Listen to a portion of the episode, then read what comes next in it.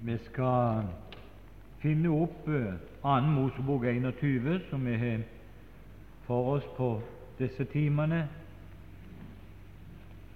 Og Jeg tror jeg må lese det avsnittet igjen, eh, for her er folk som ikke har vært her tidligere, som er her for første gang i dag. Og Derfor må vi lese eh, det avsnittet fra vers 1 til og med 6, 2. Mosebok 21. Dette er de lover som du skal legge frem for dem. Når du kjøper en hebraisk trell, skal han tjene i seks år, men i det syvende skal han gis fri uten vederlag. Dersom han kommer enslig, da skal han gå enslig bort. Dersom han er gift mann, da skal hans hustru gå bort med ham.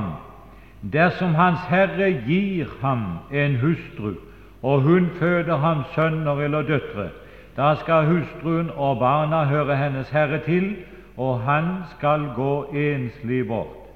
Men dersom trellen sier, Jeg holder av min herre, min hustru og mine barn, jeg vil ikke være fri og gå bort, da skal Hans Herre føre ham frem for Gud og stille ham ved døren eller ved dørstolpen, og Hans Herre skal stikke en syl gjennom hans øre, og han skal tjene ham all sin tid.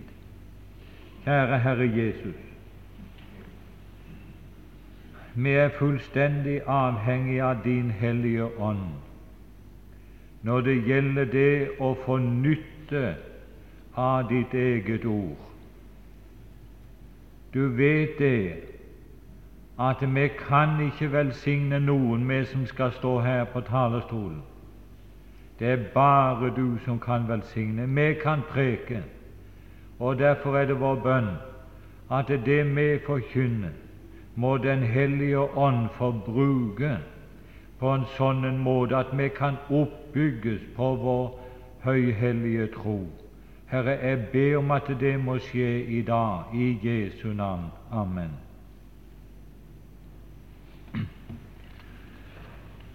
Vi avslutta i går med å se på at Faderen, han som ga denne trellen en hustru, han ikke bare utvalgte henne som det var umulig for å bli frelst. Han utvalgte henne, han kalte henne, han gjenfødte henne til et levende håp. Og han kjente henne. Han kjente henne hele veien. Nå taler vi selvfølgelig om forholdet mellom bruden og Jesus. Kjent av ham fra evighet av. Du kjenner meg vel, dog har du meg kjær, synger sangeren. Og det er jo ufattelig for oss. Hvis du er i tvil om at Jesus kjenner deg, så kan vi bare lese et par, et par steder til, bl.a. apostelgjerningene kapittel 15. Der står der i vers 18 Apostlenes gjerninger 15. Det er jo eh, et av de store kapitlene i, i Bibelen og i apostelgjerningene. Her er det tre forskjellige tidshusholdninger det er talt om fra vers 14 og ned igjennom. Mens nå er vi kommet til den tredje tidshusholdning, og det er i vers 17 og 18 for at alle andre mennesker Først heter det i vers 14 at Gud fra først av dro omsorg for å få eller ta ut et folk av hedninger for sitt navn. Så kommer vi til den andre tidshusholdning. Deretter vil jeg vende tilbake og igjen oppbygge Davids falne hytte. Og så kommer vi deretter til den tredje tidshusholdning for at alle andre mennesker skal søke Herren. Ja, alle hedningefolkene som mitt navn er blindt nevnt over, sier Herren som gjør dette, som er kjent av ham fra evigheter. Også de som skal frelses etter denne dag, i tusen års rike, også de er kjent av ham individuelt, hver eneste en, og de er kjent av ham fra evighet av. Er det noe jeg er glad for for min del, så er det å vite det at Gud kjenner meg, Jesus kjenner meg, helt til bunns. Det er godt å vite. Og det er for min del, mange ganger bruk for. Når det gjelder utvelgelsen av bruden, så var det et uttrykk som Aurebekk brukte Jeg tror det var i går.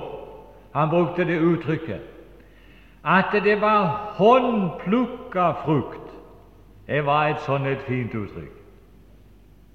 Den enkelte sjel som er kommet inn i dette vidunderlige fellesskapet med de troende, blitt en, eh, en gave av Herren, av Faderen, til Jesus.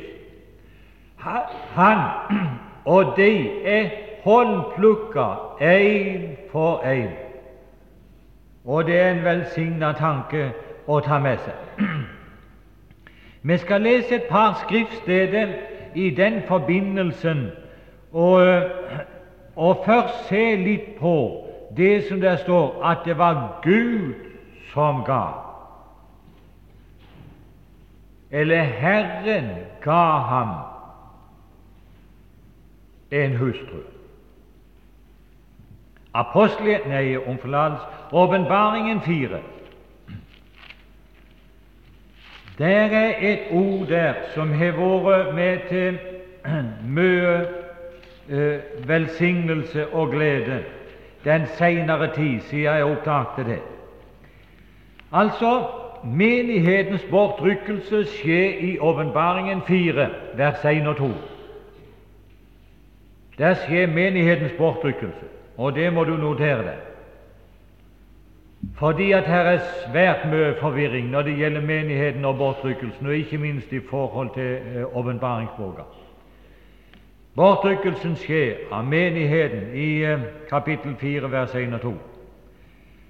I vers 4 er det talt om at eh, de er rundt omkring tronen og er plassert på 24 troner rundt omkring selve tronen. De 24 eldste er uten tvil et bilde på menigheten, eller selve menigheten. Det er bare tallet 24 er symbolsk.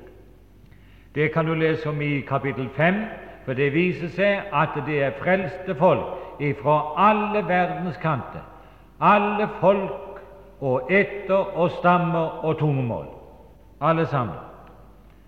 Men så er det på slutten av det kapitlet der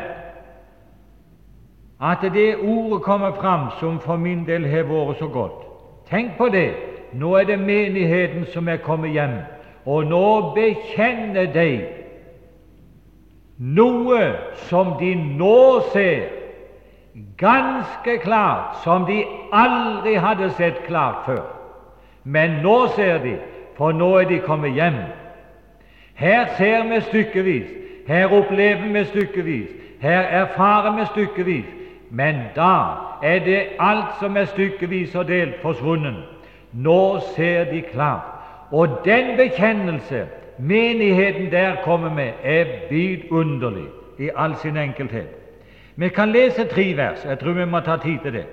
Og når livsvesenene gir ham det er fra vers 9 Når livsvesenene gir ham som sitter på tronen, ham som lever i all evighet, pris og ære og takk, da faller de 24 eldste ned for ham som sitter på tronen, og tilber Ham som lever i all evighet, og kaster sine kroner ned fra tronen og sier:" Verdig er du, vår Herre og Gud, til å få prisen og æren og makten, for du har skapt alle ting, og fordi du ville det, var de til og ble de skapt.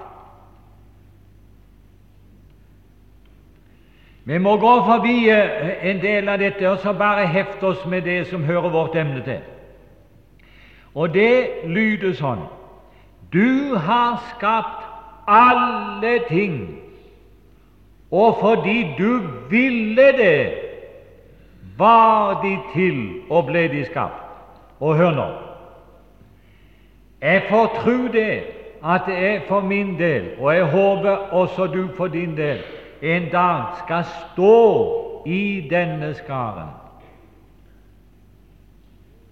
Frelst for evig hjemme hos Gud.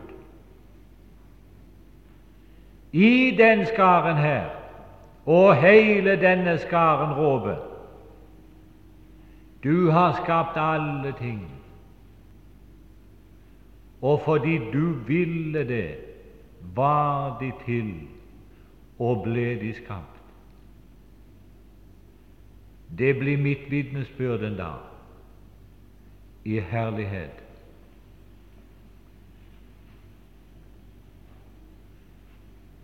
Hadde jeg hatt tid til å lese litt om alle de verdener Gud har skapt, alle de engler,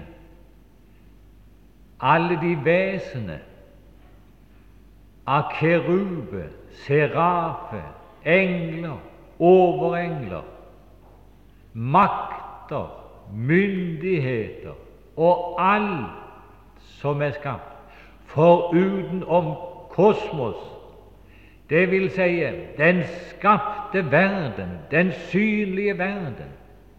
Bare den galaksen som vi bor i, består av tusenvis på tusenvis av stjerner. Melkeveien med millionvis av soler, sterkere enn den sola som opplyser vårt solsystem. Og så er det galakse på galakse ut igjennom, nesten i det uendelige, med tusener, millioner, milliarder av kloder, soler, planeter Alt dette og jeg må somtids spørre hva skal Gud med det? Alt er skapt ved ham, står det, og til ham. Kloden vår blir et støvgrann bare i den galaksen vi bor i. Og så kan vitenskapsmennene fortelle oss det at det er milliarder slike galakser ut igjennom. Men hør, men så forteller min bibel at det toppen av alt skaperverk, det er menigheten.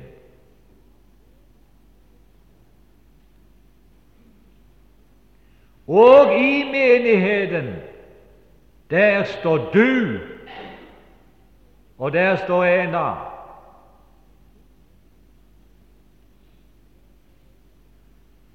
Når jeg oppdagte det ordet der, eller Den hellige ånd viste meg det ordet der, da vendte jeg meg til Gud. Og så måtte jeg si Gud, hvorfor ville du skape meg?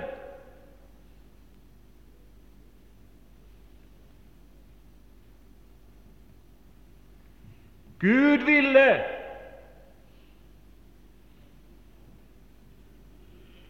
Alt er skapt fordi Han ville det, også meg.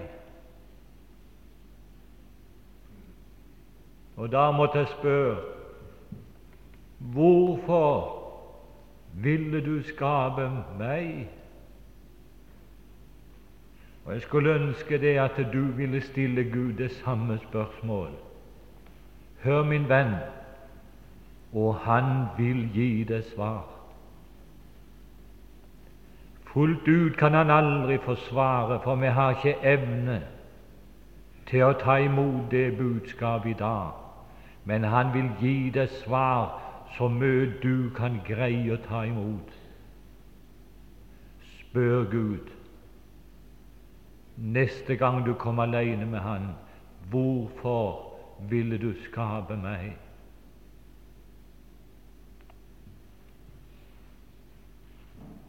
Og det er vel ganske innlysende for oss alle sammen når vi tenker gjennom dette, at når Gud er i ferd med å velge ut en brud her i denne verden som skal være Kristi brud, hans hustru gjennom evigheten lang. Hør, min venn, da er det håndplukka frukt. Det er ikke hvem som helst som skal bli en kristig brud.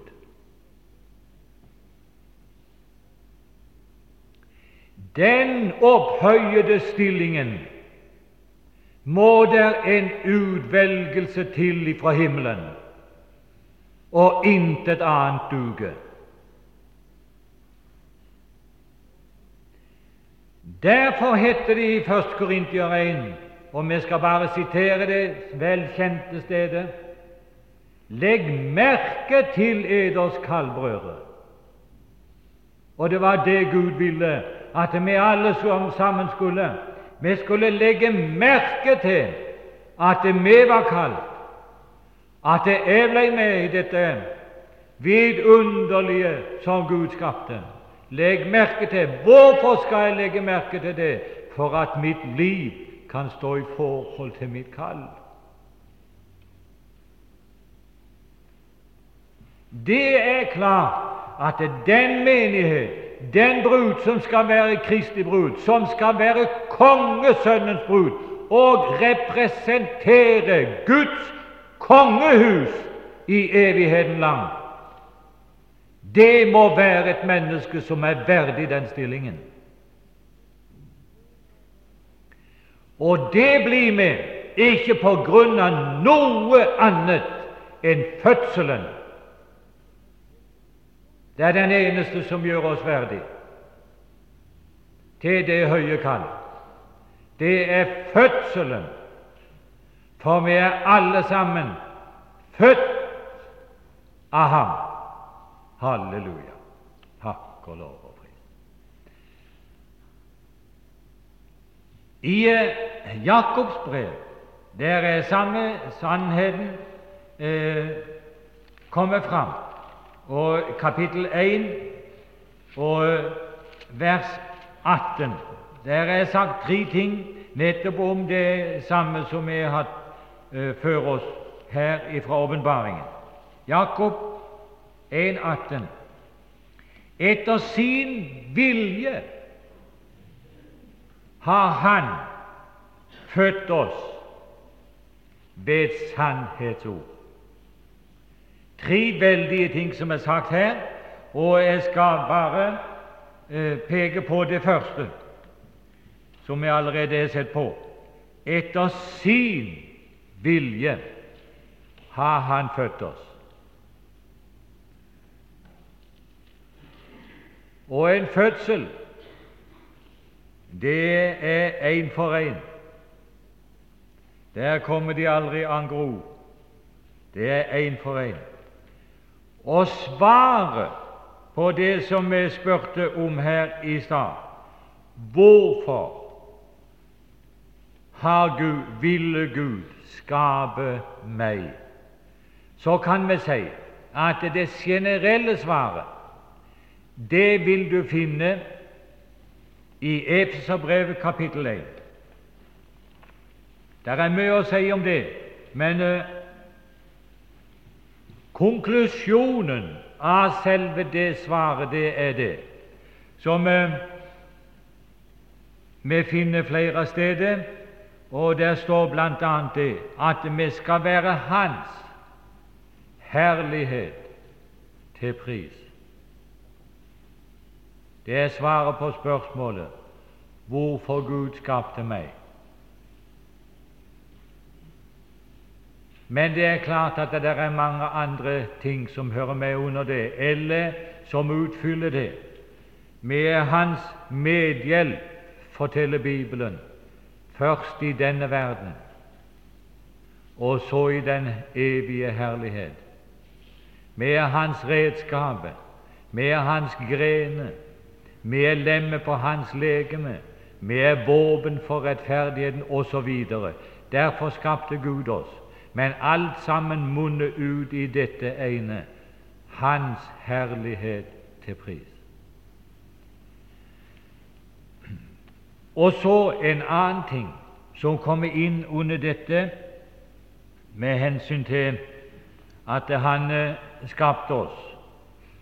Det er det, og som kommer inn i eh, dette ordet 'Hans herlighet til pris'. Gud i himmelen må ha et medium å åpenbare seg gjennom for å bli sett og hørt og forstått. Det er ganske klart. Mennesket er ikke i stand til å oppfatte Gud. Gud må ha noe å åpenbare seg igjennom. Han må ha noe å åpenbare sin herlighet igjennom. Han må ha noe å åpenbare sin vilje igjennom, osv. Og, sånn. og så valgte han menigheten. Men Bibelen forteller også, og det må vi bare ta med sånn i full fart, hvorfor Gud skapte oss det var for alt det som dere har talt om her, men vi skal bare ta med oss et ord ifra, ifra Malakias' bok. Og det ordet ble jeg glad i. Det er det siste, den siste boka i Det gamle testamentet, og det er det tredje vers. Nei, det tredje kapittel. Og, og vers 17. Der heter det slik og på den dag som jeg skaper, sier Herren herskarenes Gud, skal de være min eiendom, og jeg vil spare dem like som en mann sparer sin sønn som tjener ham. Nå er For mange år siden jeg fikk tak i en engelsk bibel, dr. Schofields bibel, så, eh, og, og jeg sier det som til å lese dem side om side, så gjorde jeg det når jeg var kommet her til dette ordet. Og så satt jeg og leste også i den engelske bibelen, og der sto det et helt annet ord for eiendom. Her sto det at på den dag jeg skaper, sier Herren Gud, skal, skal de være min eiendom, og jeg vil spare dem. I den engelske bibelen så sto det juvelet. Ja. Men han vil make opp sine juveler, han vil pusse opp sine juveler på den dagen. Og Jeg måtte undersøke dette og fant fram i Bibels leksikon og fant fram til, eh, til eiendom. Og så fikk jeg forklaringen hvorfor det var oversatt så forskjellig. Fikk jeg forklaringen på det. Og Forklaringen den lød ganske enkelt slik at kongene i gamle dager de hadde, de hadde hånd om rikets eiendom. De var ikke bare konger, men de var finansministre òg, og rådde over rikets eiendom og skatter. Men foruten det så hadde kongen en privat eiendom som var avsperret. Og det hette da den eiendommen som han hadde, ble kalt for eller hadde navnet Sigulla. Det vil si, det var uttrykk for den private eiendommen som kongen hadde. Og den eiendommen, den private og avsperra eiendommen ifra det øvrige, den, eh, den bestod som regel av juveler. Sånn heter det. Sigulla, en eiendom som kongen har privat, og den består som regel av juveler. Nei, så fint. Så er altså hver en troende i menigheten, selv om man er sammenlignet med en perle, og Israel har mange andre forskjellige benevnelser, tolv stykker i tallet på brystspannet her, men menigheten er kalt for en perle, en juvel. Gud han visste ikke noe annet å finne eh, for å framstille hva menigheten var for ham, en juvel. Nei, min venn, det er ikke noen hvem som helst som skal være i kongehuset og representere kongehuset. En dag skal de framstilles i denne verden, og da vil også verden se det var juvelet. Men tilbake til Efeserbrevet, og eh, vi må ha det med nå til slutt i forbindelse med eh, dette her. Vers 4 like som Han utvalgte oss i ham Det er altså Efeseren 1 før verdens grunnvoll ble lagt, for at vi skulle være hellige og ulastelige for Hans åsyn. Og det er klart at Guds representanter i evigheten må være hellige og ulastelige. Derfor er de utvalgt i ham. I det han i kjærlighet forutbestemte oss til å få barnekår hos seg ved Jesus Kristus. Og så må vi hoppe helt ned til vers 9. I det Han kunngjorde oss sin viljes hemmelighet etter sitt frie råd som Han fattet hos seg selv, om en husholdning i tidenes fylde, at Han atter ville samle alt til ett i Kristus, både det som er i himmelen og det som er på jorden. Hør nå, min venn, Gud holder på nå for tida å samle inn folk som han skal presentere for verden i en ny tidshusholdning. Det er det Gud holder på med i dag. Da når Kristus skal åpenbares i denne verden som kongenes konge, og bruden skal stå ved hans side, og sitte på regjeringsstolen sammen med ham. Det er det Gud holder på med å ta ut i dag, et folk til denne oppgave i den kommende verden.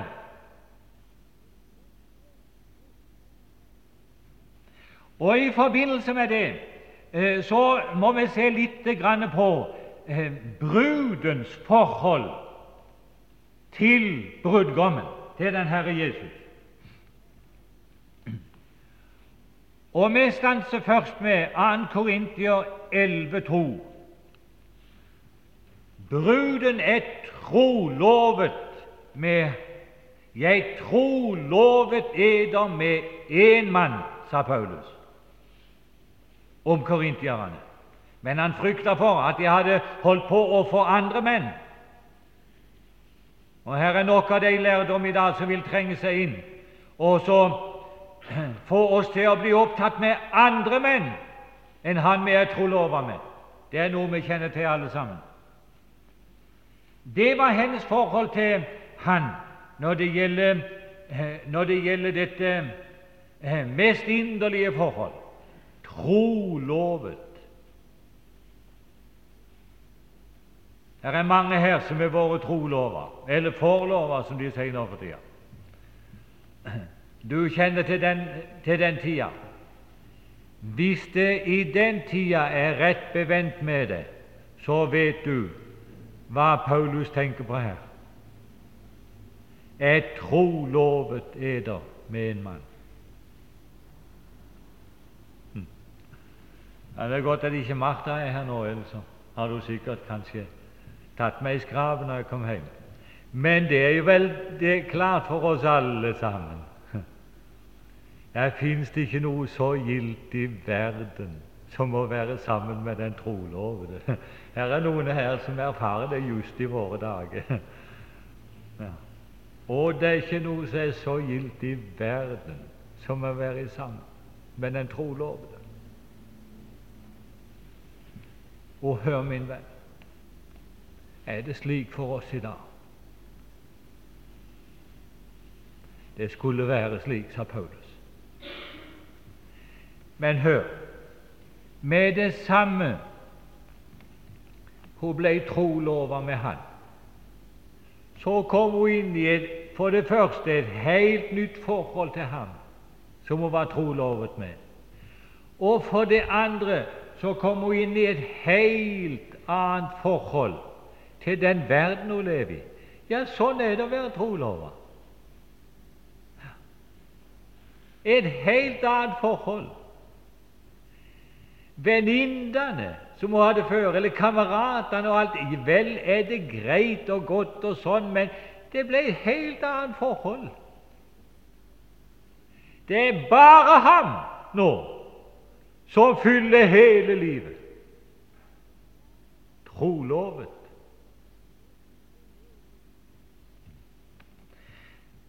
Her har vært nevnt før her om uh, Paulus som, for, som, sa at han uh, ble født som uh, et foster. Her er andre mennesker som også er født for tidlig. Og når jeg tenker på hva, hva Tessalonikerbrevet eh, taler om det, så eh, kunne vi godt ha hatt med oss det. Det er så svært med det at det, klokka går så altfor fort. Men det er noen som er glad for det, og det er de ganske små, at vi ikke har lov til å preke mer enn tre kvarter. Men hør nå, la oss ta med oss det, at det, samtidig som at du står i et annet forhold til ham enn du gjorde før, så står du i et annet forhold til verden enn du gjorde før. Med det samme du ble et Guds. Han sier det i vers 5, 2. Tessalonika 5. I er alle lysets barn og dagens barn. Vi hører ikke natten til. I det kapitlet der taler han om de, om verden, og han taler om vi som er troende. Verden lever i mørket. De er i mørket. De vandrer i mørket, de går imot et evig mørke. Men vi, sier han, vi er lysets barn, vi er dagens barn, med en helt annen kvalitet enn det som er i verden. Gjenfødelsen til et nytt liv ble så fullstendig, så radikal for den enkelte troende at han allerede nå hører himmelen til. Han er lysets barn i en mørk verden. Og nå må jeg lese for deg noe som jeg har lest for hundrevis av mennesker før. Det er bare noen forsetninger av en eh, av predikant, eller redaktør John Lundmark. Han holdt en tale borte i Sverige, eh, i, i uh, jødemisjonen der, for en del år tilbake. Og det er noe av det fineste jeg har lest. Vi har bare fått ganske korte glimt av den talen der, men du og de sier mye. Han sier bl.a.: Vi er dagens barn.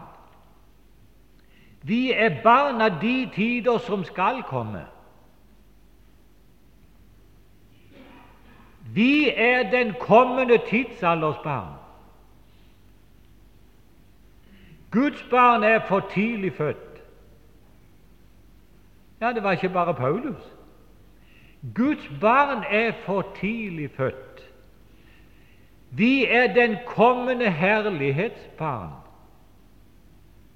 Er det underlig at vi er fremmede, fremmede i denne verden? Vi er barn av noe som ikke er kommet. Vi er som Guds barn allerede i det som skal komme. Ja, dette er hieroglyfer for noen som må tydes, og jeg har ikke stor tid til å tyde dem men mange skjønner det.